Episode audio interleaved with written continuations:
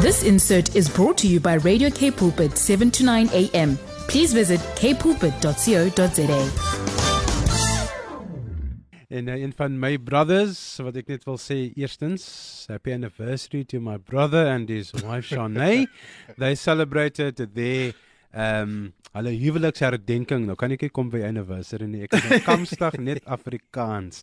Maar uh ja, so uh, Kurt Welcome, good morning and happy anniversary to you and Shanae my brother. Yeah, good morning Dimitri. Uh Pastor Stan to our listeners and thank you very much. Yeah, I must say you look very relaxed. It looked like you guys had a day at the spa or something, maybe a massage. Yeah, it's, it's, it's you know something that's totally out of my comfort zone.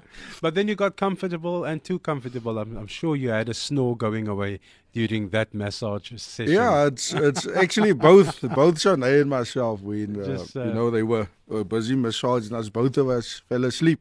hey. Why not?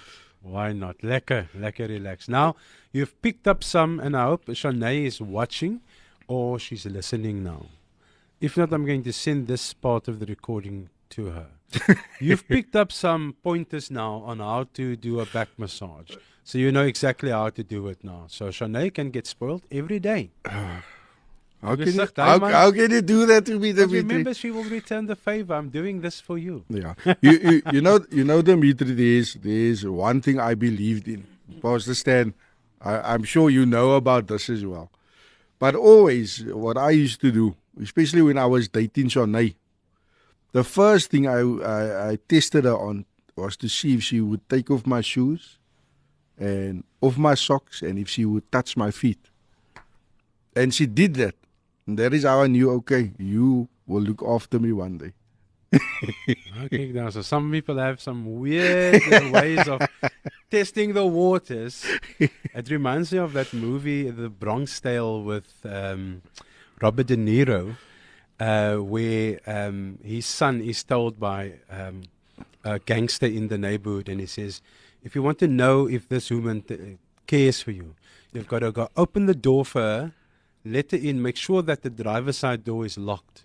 You walk around the back and you peep through the, the, the back window and you see whether she is going to lean over to open the door for you. Yeah. That is the one. That is when you know it's the one. So for Kurt, it is take off my shoes, touch my feet. You're the one. My brother, um, uh, I hope you guys had a wonderful time um, uh, celebrating your anniversary.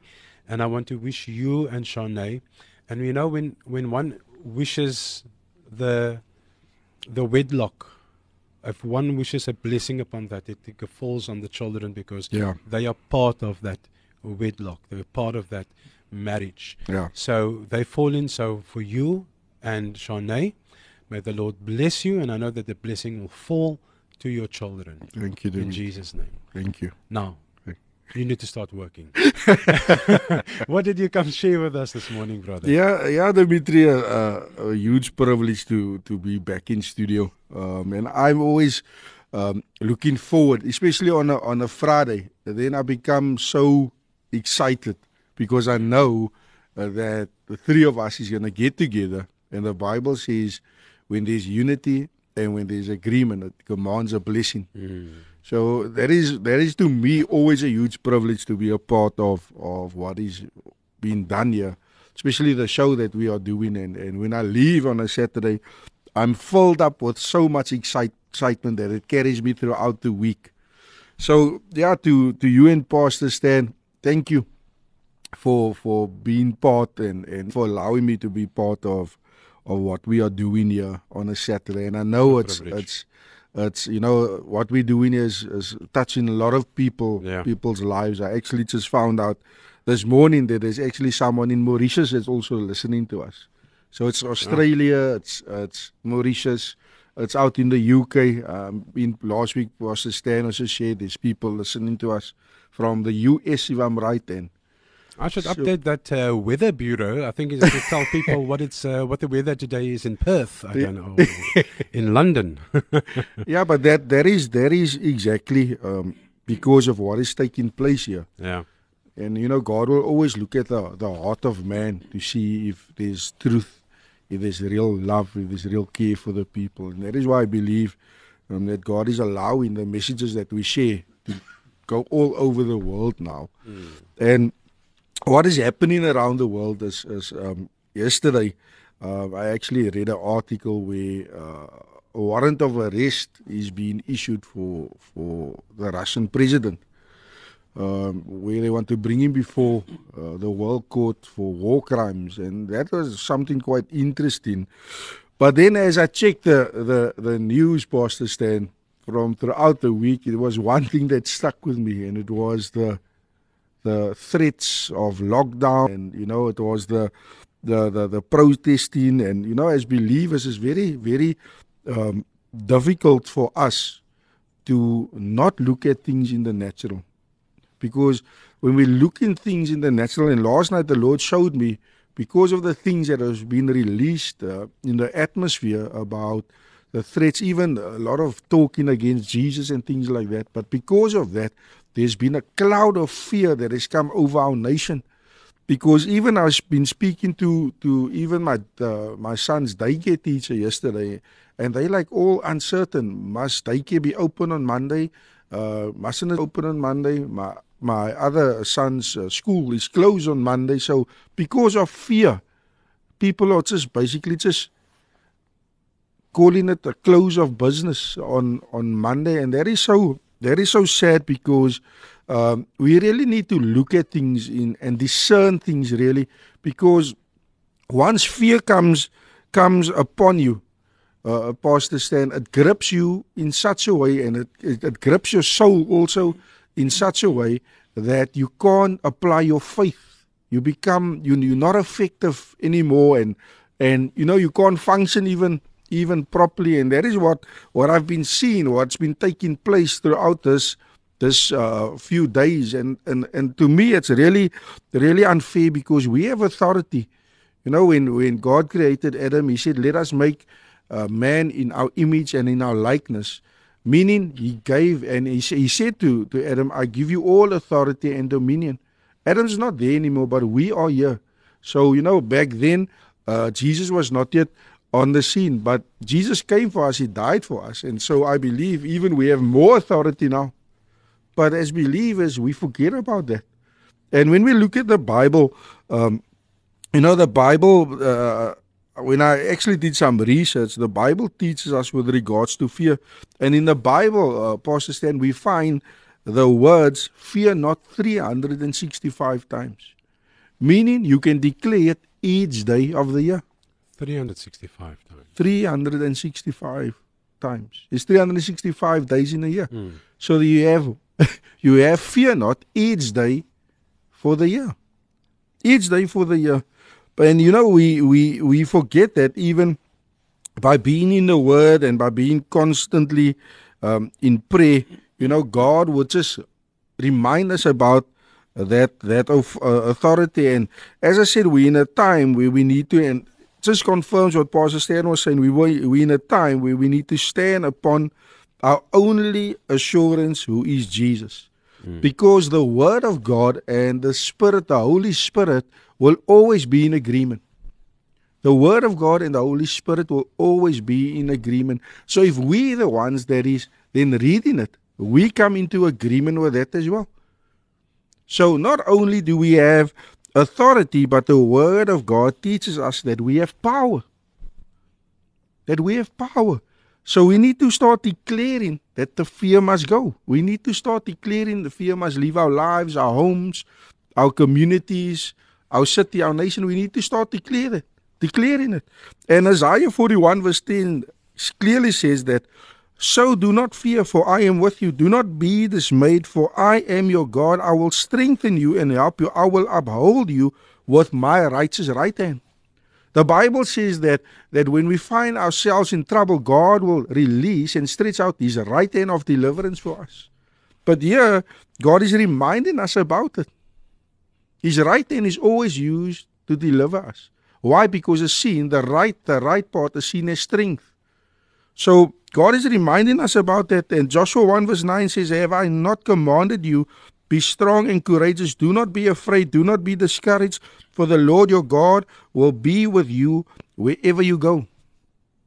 If you still don't don't catch it, Timothy 1 verse 7 says, For God has not given us a spirit of fear, but of power, love, and a sound mind. This is promises. And we need to stand upon God's word, for his word will not return void unto him.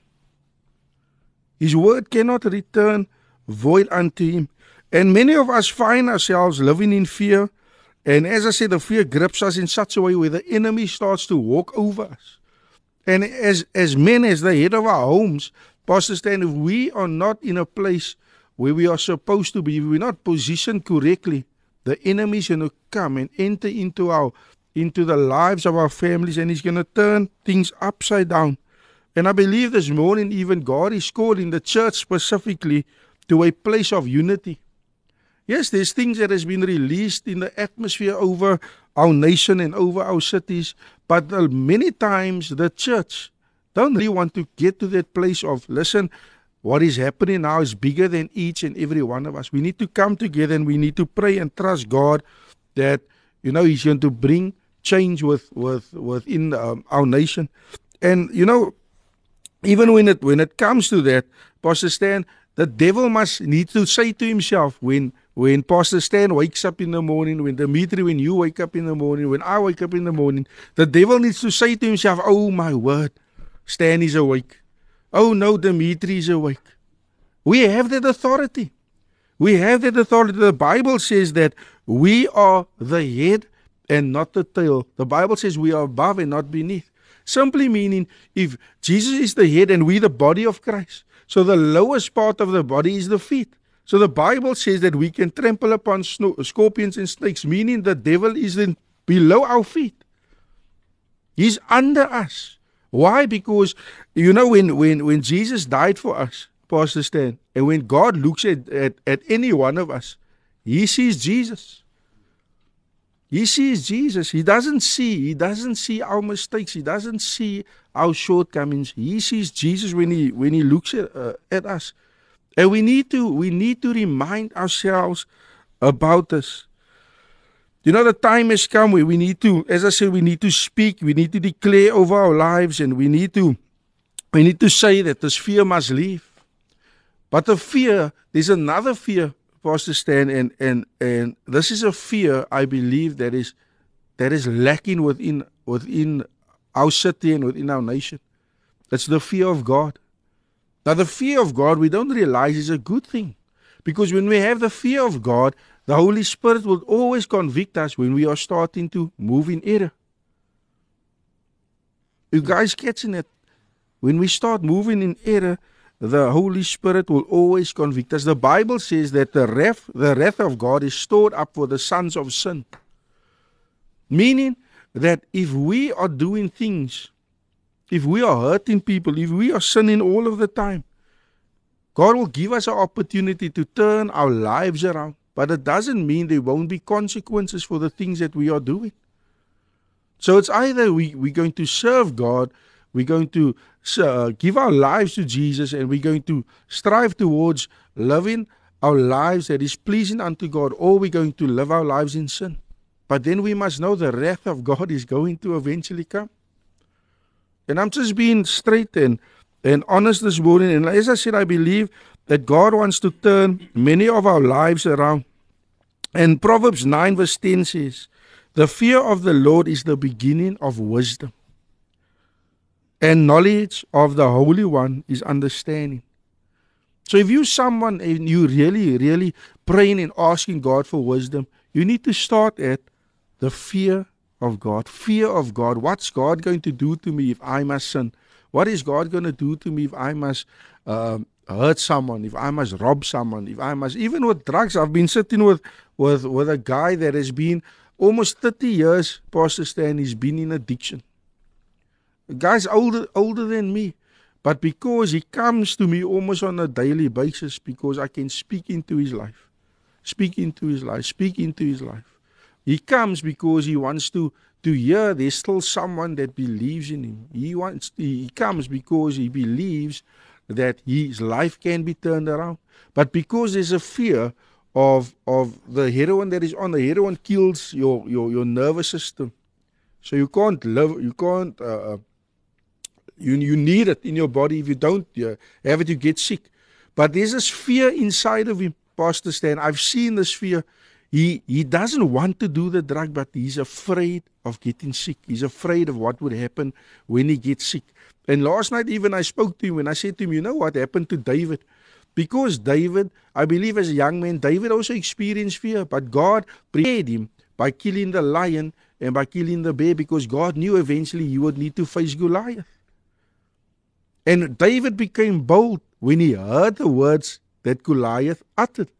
He was not even in front of Goliath, just by hearing what Goliath uttered. And Goliath spoke against his God. He spoke against our God, our God of Abraham, Isaac, and Jacob. And that caused David to overlook any form of fear. And he rose up because he knew that he was doing it for the right thing. So, my encouragement to our listeners this morning let us rise up in prayer.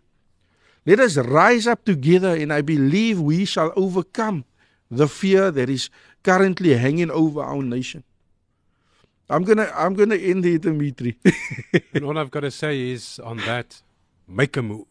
Yeah. My brother, thank you so much. God willing, next week we look forward to another powerful message. God bless you. Have a wonderful weekend. Further. Thank you, Dimitri. Thanks. This insert was brought to you by Radio K Pulpit, 7 to 9 a.m. Please visit kpulpit.co.za.